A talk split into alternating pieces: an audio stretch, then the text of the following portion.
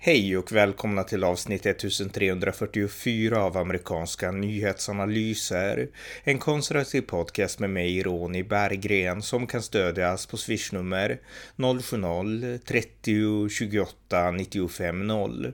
Den 14 april pålyste USAs president Joe Biden att USAs militär skulle lämna Afghanistan senast den 11 september 2021 och därmed avsluta USAs längsta krig.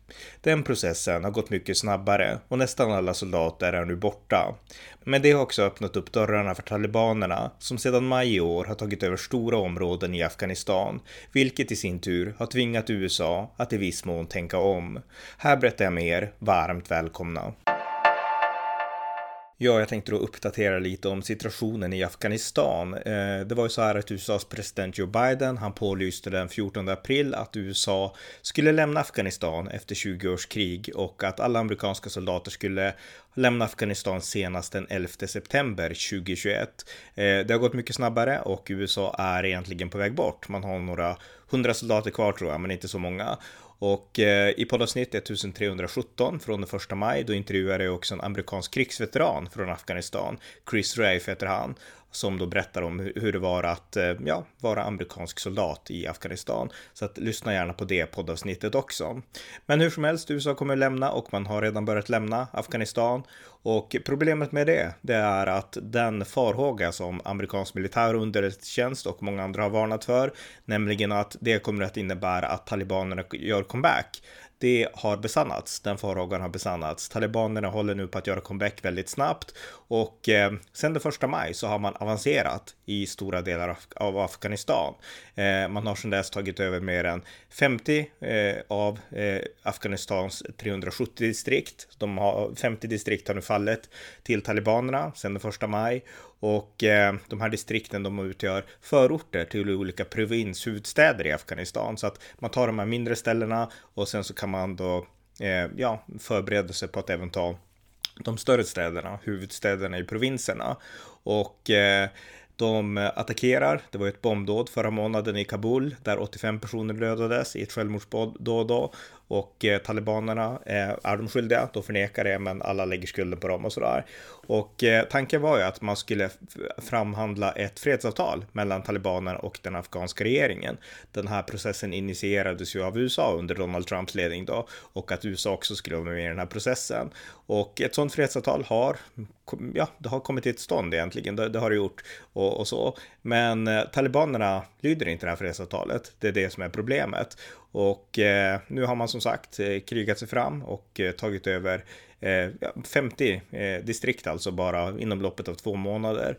Och allt som allt så kontrollerar talibanerna nu 124 av de här 370 distrikten i Afghanistan. Och i 186 distrikt så kämpar man fortfarande och det innebär att där vet vi inte vem som kommer att styra i slutändan än. Och det senaste är att talibanerna tagit över, tagit över en gränsstad till Tadzjikistan i norra Afghanistan.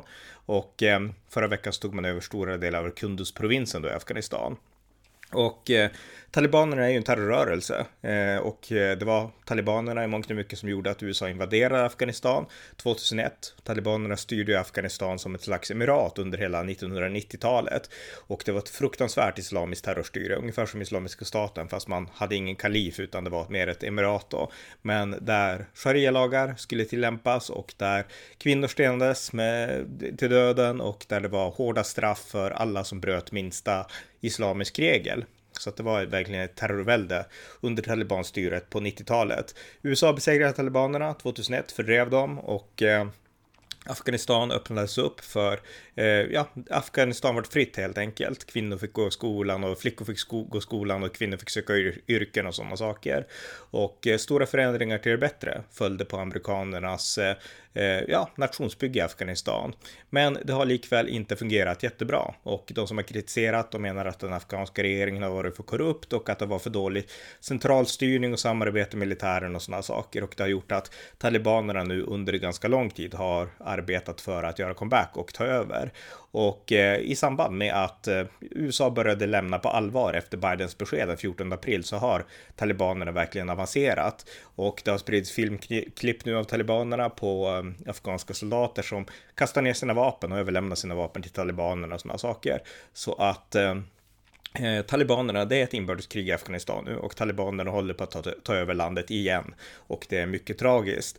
Och en grupp som det är speciellt tragiskt för, det är de som har samarbetat med USA. Eh, I synnerhet tolkar som, som fanns där från första början och det finns ungefär 20 000 sådana som arbetade med amerikanerna och de vädjar nu till amerikanska utrikesdepartementet om att få, ja, få visum och få komma till USA eller i alla fall få lämna Afghanistan därför att om Kabul faller, då kommer de att bli dödade av talibanerna.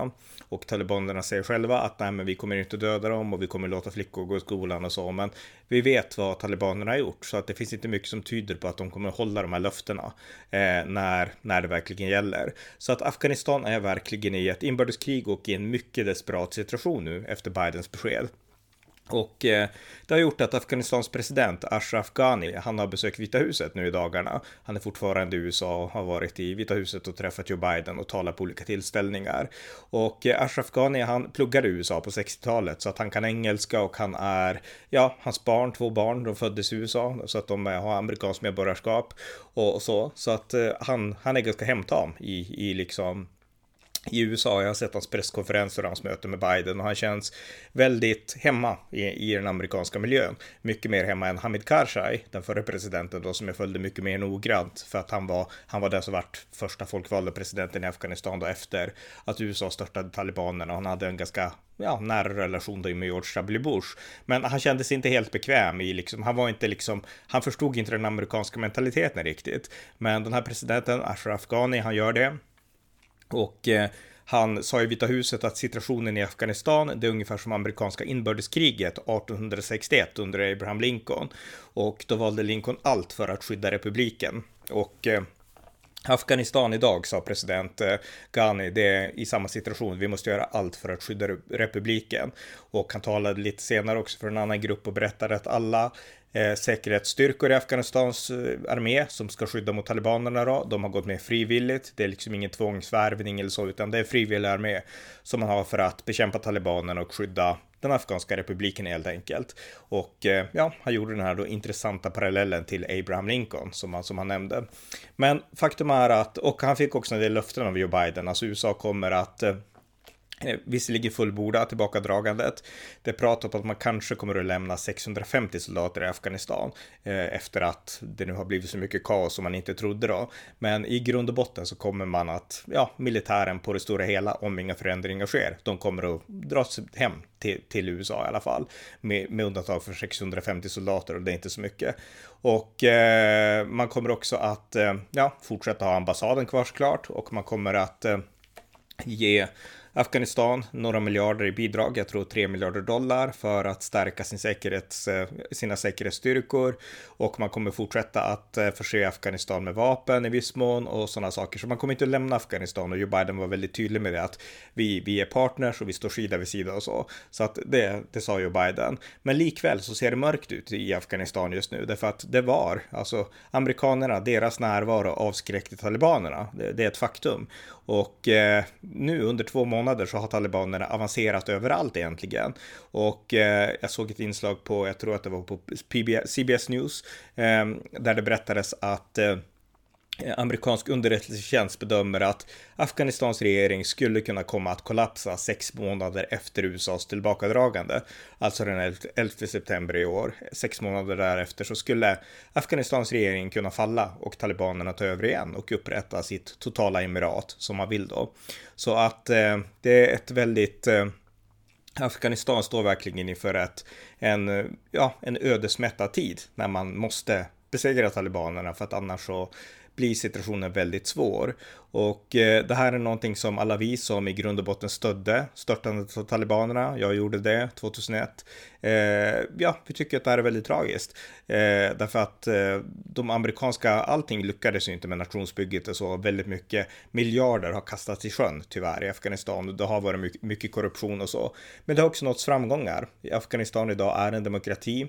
Kvinnor och flickor har friheter som inte alls fanns på 90-talet och eh, nationen utvecklas sakta men säkert till det bättre. Och i grund och botten så är det USAs förtjänst. Eh, så att det här är verkligen ett eh, bakslag mot hela det här 20-åriga nationsbygget, USAs längsta krig som sagt.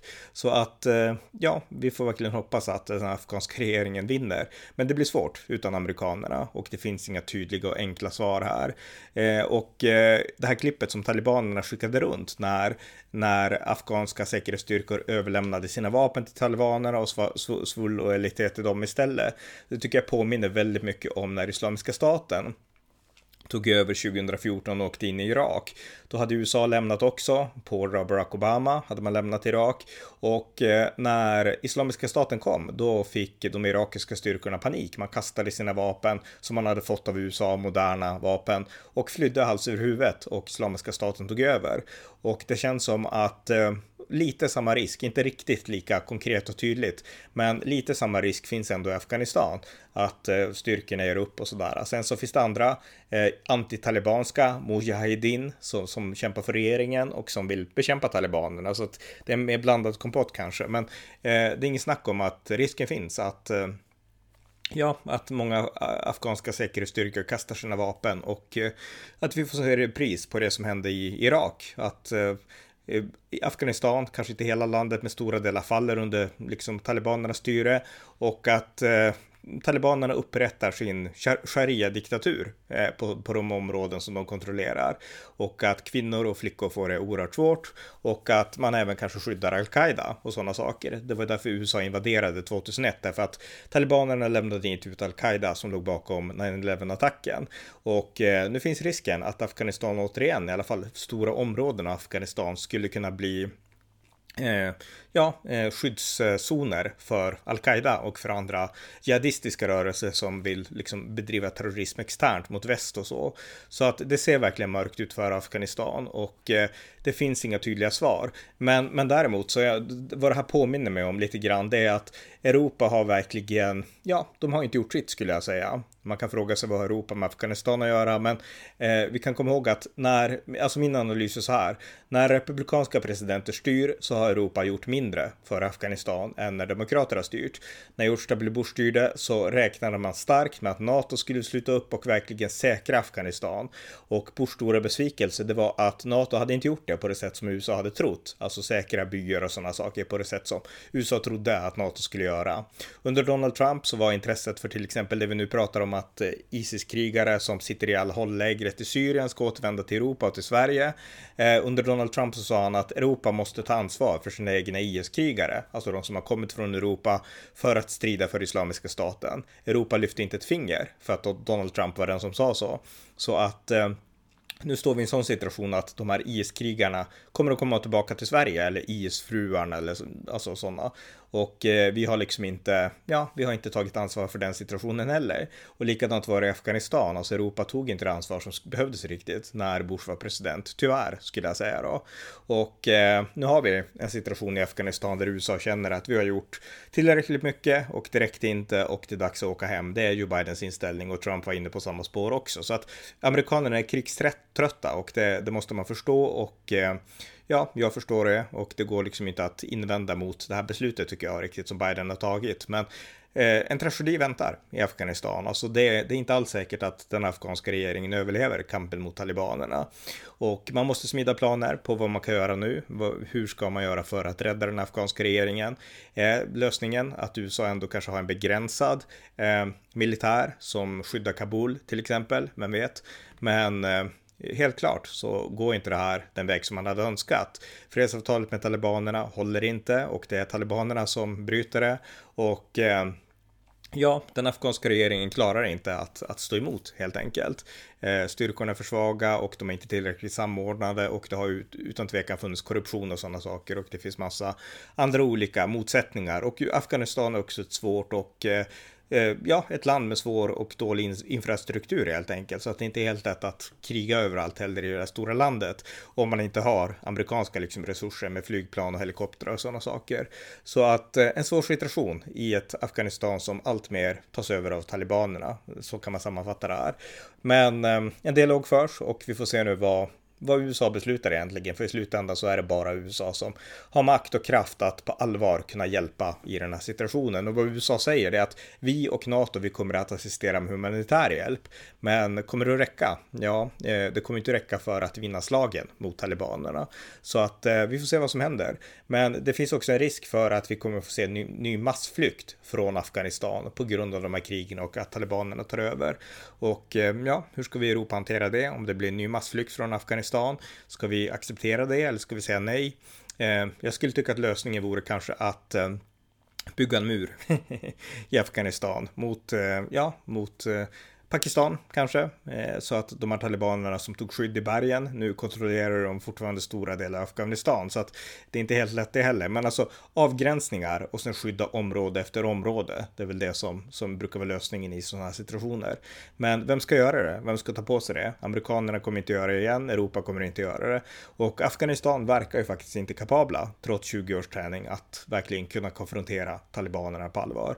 Så att eh, ja, eh, tyvärr har jag inga liksom jag har ingen hoppfull framtidsutsikt, utan det är precis som eh, eh presidenten Ashraf Ghani sa, att eh, talibanerna, liksom Afghanistan befinner sig i ett inbördeskrig mot talibanerna och det är precis som det amerikanska inbördeskriget 1861, att det är, nu handlar allt om att kämpa för republikens överlevnad. Och vi får helt enkelt hålla tummarna för den afghanska republiken. Men det här kommer att bli tufft och vi kommer att, eh, ja, jag kommer att återvända till det här ämnet framöver. Men det här var en kort uppdatering i alla fall och eh, ja, vi hörs snart igen. Det var avsnitt 1344 av amerikanska nyhetsanalyser. En podcast som finns för att ge ett konservativt perspektiv på amerikansk politik. Stöd gärna på swishnummer 070-30 28 95 0 eller via hemsidan på Paypal, Patreon eller bankkonto. Det var allt för den här gången. Tack för att ni har lyssnat.